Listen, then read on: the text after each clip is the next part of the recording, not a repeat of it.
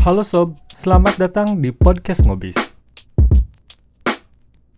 Ngobis merupakan konten serial edukasi dari Bislook, yakni online situs marketplace jasa yang menghubungkan antara klien dengan profesional untuk memenuhi kebutuhan dan menyelesaikan beragam masalah bisnis. Ini merupakan bentuk komitmen dan konsistensi kami dalam memberikan akses edukasi yang inklusif dengan mengangkat isu-isu terkait seputar bisnis. Maka dari itu, selamat menikmati podcast Ngobis, Ngobrol Bisnis bareng Bislook.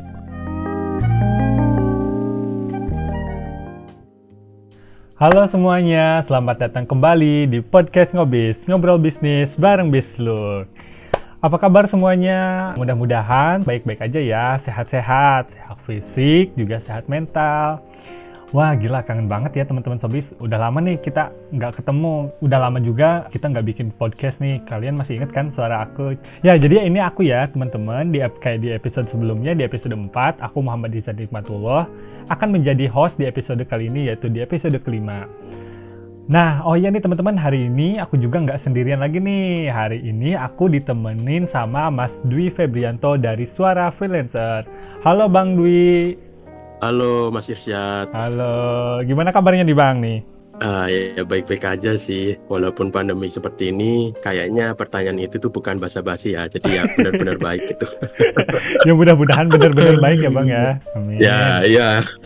Nah sekarang Bang Dwi kesibukan uh, apa nih Bang belakangan ini?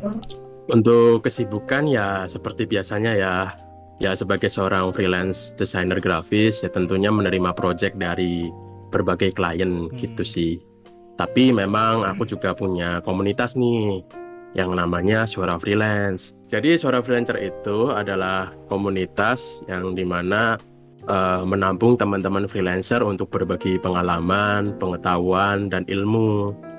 Namun memang dari penerapan kita itu punya tiga, tiga penerapan ya. Maksudnya kita punya tiga tempat gitu. Yang pertama itu di podcast, yang kedua itu di Discord, yang ketiga itu di Instagram gitu. Nah biasanya itu agendanya ngapain aja tuh bang tuh? Bisa banyak itu channelnya. Untuk di Discord kita punya agenda minggu mingguan ya. Jadi di setiap hari Minggu malam kita itu istilahnya namanya itu ngobar gitu, ngobrol bareng. Wow. Nah di situ kita saling berbagi pengalaman dengan satu topik wow. tertentu. Ya kalau di Instagram itu ya kita daily sih, kita berbagi ber, uh, tips, hiburan juga kita buat meme juga buat istilahnya suara freelance itu nggak terkesan formal banget gitu. Jadi emang cocok untuk kalangan yang serius dan yang suka nggak serius gitu. Maksudnya ya uh, butuh hiburan gitu. Ya, ini kayaknya yeah. teman-teman freelancer kayak butuh banget hiburan ya bang? Iya betul. Dan memang freelancer itu rentan stres mas.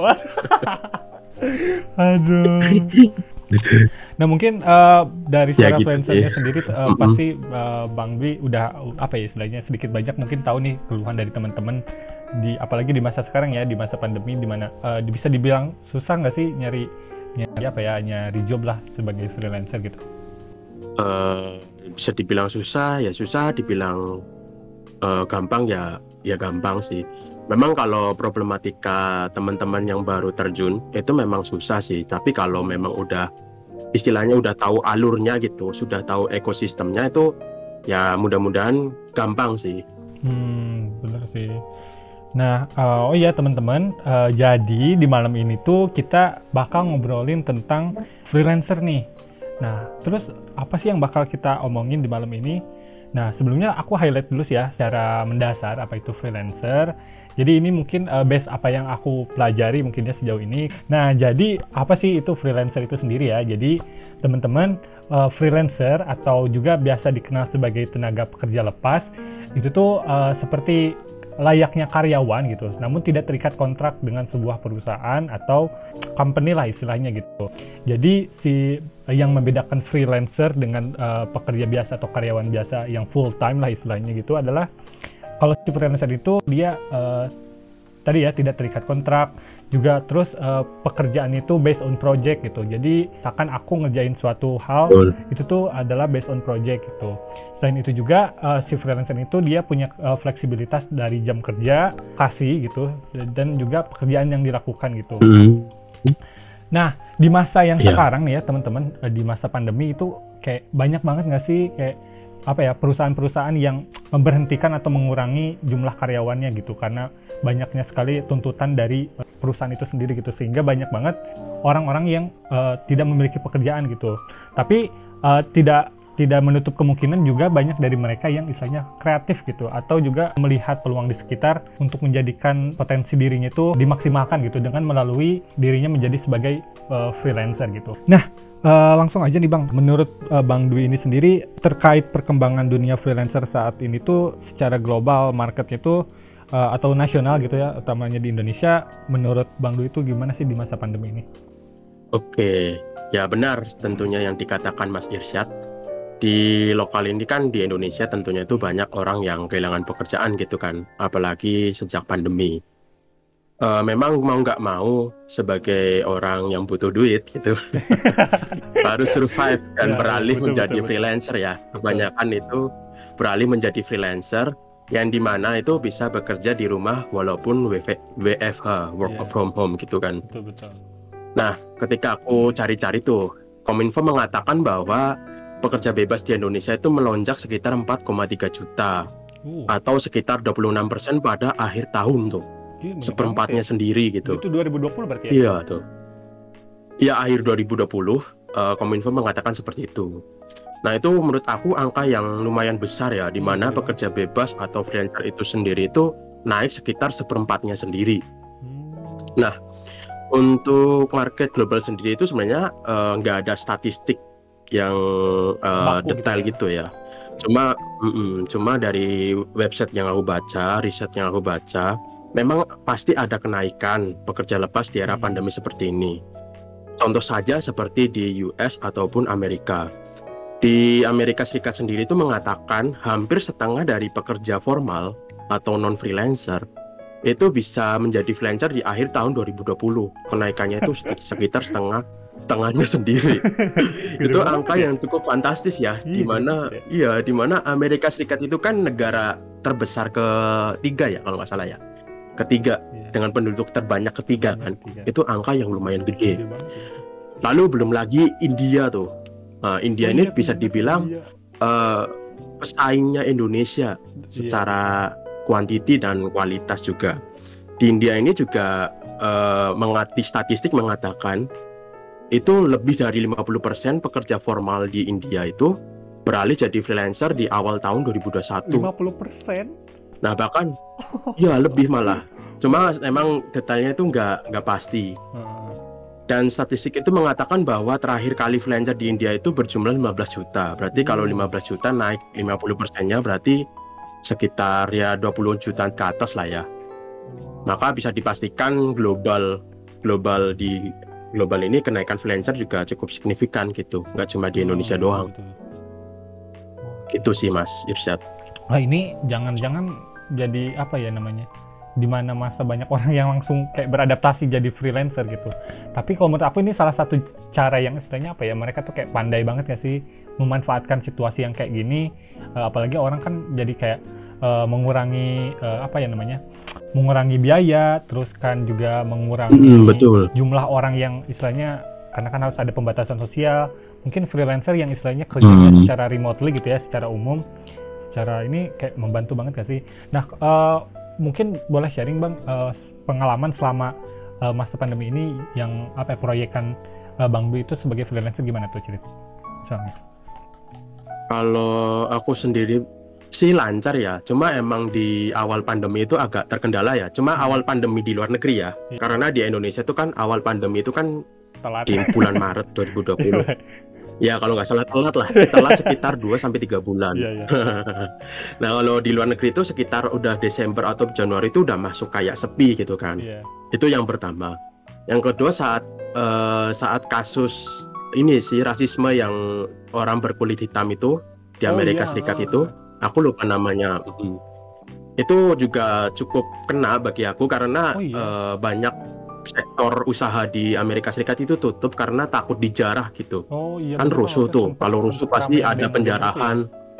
Mm -mm. Jadi ada beberapa klienku yang kayak stop dulu lah nanti kita hmm. bisa lanjutin lagi karena di sini lagi ada kerusuhan itu. Paling itu sih. Cuma untuk PPKM ya. Iya. Namanya kan udah PPKM nih kalau sekarang kan. Kalau PPKM sih lancar-lancar aja sih. Ah, gitu. Lancar-lancar aja sih kalau di luar ya. Karena aku memang freelancernya itu marketnya keluar bukan ke lokal. Ah, Cuma ya aku nggak menutup, aku juga nggak menutup diri untuk menerima project dari lokal gitu. Memang, tapi memang basicnya di luar. Hmm, Gitu, Mas. gitu. Ya emang sih sebenarnya eh, apa ya?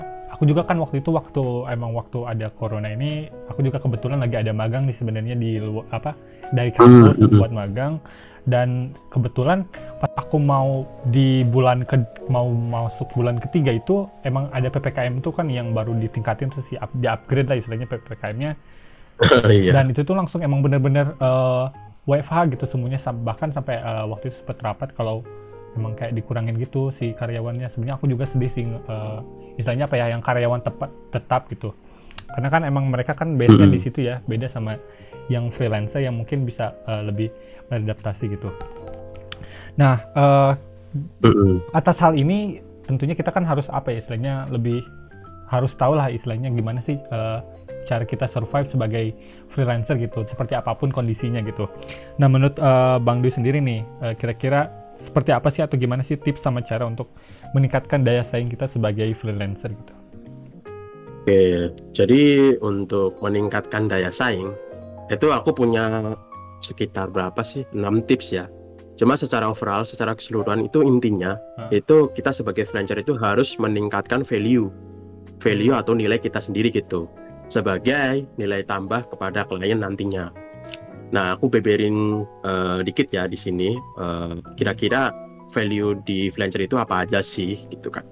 Yang pertama tentunya kita itu harus memperbaiki portofolio ya. Hmm. Nah, portofolio itu ibarat kalau di freelancer itu ibarat jiwanya freelancer gitu. Jadi Ya, kalau kalau raga raga kalau tubuh tapi nggak ada jiwa itu kan nggak jalan. Nah, Iya. portofolio itu jiwanya freelancer. Ibaratnya portofolio itu bisa digunakan eh, dalam beberapa keperluan. Hmm. Contoh saja kayak promosi eh, jasa kita. Yang kedua juga bisa meyakinkan klien bahwa saya bisa loh ngerjain ini.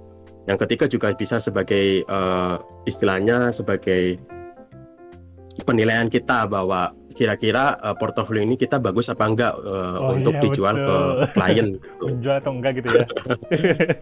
Iya menjual atau enggak. Kalau enggak kan kita perbaiki lagi Iya, istilahnya gitu. Maka Betul. sebagai freelancer itu harus rutin untuk cek gitu. Istilahnya koreksi diri sendiri bahwa portofolio kita itu menjual apa enggak gitu.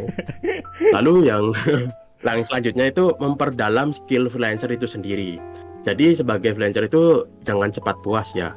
Jangan terlalu cepat puas karena emang perkembangan eh, di dunia freelance ini sangat cepat. Bahkan kalau di dalam desainer grafis itu, di dalam dunia desain itu, mereka itu punya tren desain per tahun gitu. Jadi memang perlu banget kita sebagai freelancer itu selalu asah skill kita. Lalu yang ketiga itu eh, memperbaiki atau memperbagus komunikasi kita eh, ketika berbicara dengan klien. Karena di dalam dunia freelance sendiri itu selain skill kita tadi, komunikasi itu juga sangat penting. Bahkan aku bisa mengatakan, bisa menjamin bahwa komunikasi itu mempengaruhi 50% dari keputusan klien mau kasih project ke kita atau enggak. Iya. Nah, karena eh, ketika aku mencari project tuh di luar Hmm. eh, si klien juga istilahnya menilai nih komunikasi si freelancer ini bagus atau enggak, lalu fasih apa enggak itu juga dihitung banget. Istilahnya kalau kita punya skill yang bagus, cuma komunikasi kita jelek ya percuma sih. Itu ya. Iya sih, soalnya emang kayak Lalu yang ke- si komunikasi itu. Eh, eh, kuncinya sebenarnya kuncinya komunikasi. Bahkan dikatakan eh, freelancer itu lebih ke problem solver ya ketimbang menjual skill kita gitu. Betul, Jadi betul, betul. Memang perlu banget kita perlu skill komunikasi untuk istilahnya menggait klien dan menjaga hubungan baik dengan klien biar klien itu jadi repeat jadi langganan kita gitu. ya setuju setuju. Lalu yang selanjutnya itu ada ada profesionalisme ya. Jadi di dalam freelance itu profesionalisme itu sangat penting ya. Terutama dua hal, komitmen sama tanggung jawab. Tanggung jawab ya tentunya kita harus ngirim pekerjaan sesuai waktu, jangan sampai melewati deadline. Komitmen tentunya kita harus berkomitmen eh, agar klien itu puas dengan eh, service yang kita berikan. Hmm. Lalu yang kelima itu pengetahuan soal license. Nah ini penting banget ya, karena yang aku lihat eh, freelancer yang baru terjun nih, mereka tuh nggak tahu soal license. Padahal license itu kan punya banyak hal ya.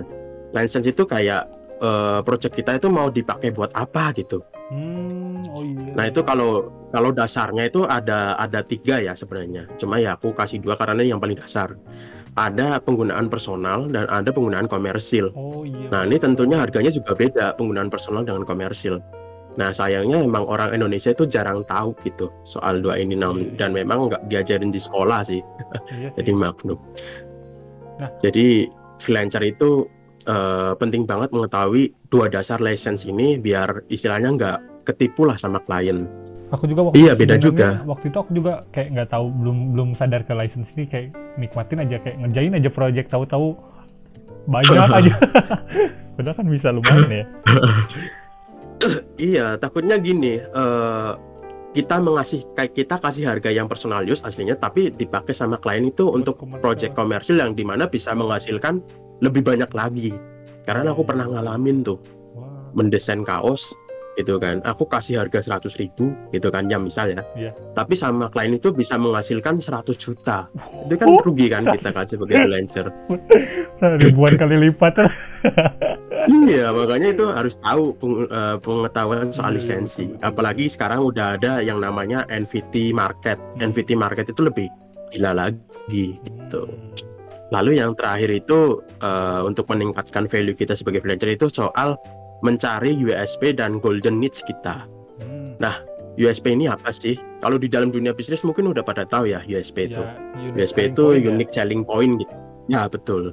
Nah di dalam dunia freelance pun terutama yang di creative service, yang jasa kreatif itu penting banget mempunyai USP. Nah USP ini istilahnya sebagai pembeda kita dengan freelancer lain. Hmm. Bahkan aku ingat dengan katanya Mas Pan, eh, bukan Mas Panji ya, Bang Panji komika ya. Itu dia mengatakan bahwa menjadi sedikit lebih beda itu lebih baik daripada menjadi sedikit lebih baik. Jadi kita dibentuk untuk menjadi lebih beda gitu. Iya, supaya kelihatan ya satu sama yang lainnya gitu. Iya betul, karena emang kan eh, freelancer di tahun 2020 itu kan meningkat. Iya, Tentunya betul, betul. pesaing eh, kita sebagai freelancer itu juga meningkat Iya, kan. betul betul. Nah itu kita perlu banget untuk mempunyai USP sendiri gitu. Wah gila. Ini nggak kerasa banget ya kayak cepet banget. 20 menit itu udah panjang banget nih kita. Wah asli lah pokoknya. Nah itu dia teman-teman. Eh, paparan dari eh, Bang Dwi juga eh, kita ngobrol-ngobrol malam ini tentang freelancer gitu. Nah mungkin ada closing statementnya dulu nih dari Bang Dwi. Silahkan Bang Dwi. Oke, ya tentunya kita sebagai freelancer juga harus tetap semangat ya, walaupun ya mungkin banyak teman-teman di sini yang terkena dampak PPKM, eh, sepi project dan lain sebagainya. Kita juga sebagai freelancer juga harus eh, terus update dan harus tetap upgrade ya. Jangan sampai karena eh, sepi di bulan-bulan tertentu teman-teman menyerah karena memang pada dasarnya freelancer itu memang tidak mempunyai penghasilan yang stabil gitu kan. Jadi Hmm. hal ketika kita mendapatkan sepi project itu adalah hal yang lumrah bagi seorang freelancer. Gitu Mas Irsyad. Iya, pokoknya teman-teman jangan lupa tetap semangat ya di tengah eh, masa pandemi kayak gini. Jangan jangan eh, makan standar dengan orang lain karena orang memulai betul banget. masing-masing gitu. Nih Bang, maaf banget sebelumnya kita nggak bisa eh, belum bisa ngobrol panjang lagi di kesempatan kali ini, tapi kita mudah-mudahan bisa ngobrol lebih panjang ya di eh, apa kesempatan selanjutnya. Mudah-mudahan kita juga bisa ketemu lagi di Amin. episode selanjutnya. Atau eh, Ya. kita juga bisa collab-collaban lagi gitu bang ngobrol lagi ntar Boleh, boleh.